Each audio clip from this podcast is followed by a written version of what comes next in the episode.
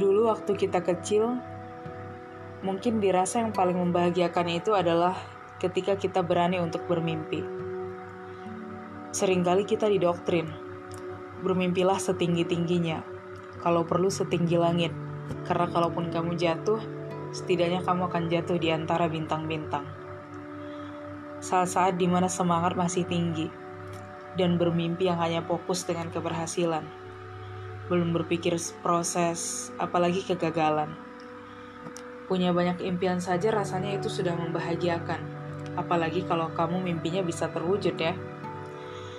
Seiring dengan berjalan waktu, kita kadang sadar bahwa tidak ada yang instan.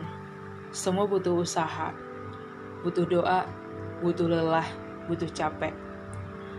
Seiring dengan waktu juga, impian juga kadang ikut bertumbuh dan berkembang, bahkan mungkin bisa jadi berubah.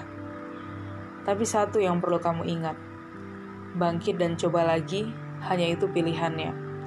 Bukan berhenti lalu menyerah. Ingat, sukses yang bermakna dilihat justru dari sebuah proses, bukan semata hasil. Syukuri, nikmati, dan jalani setiap proses itu.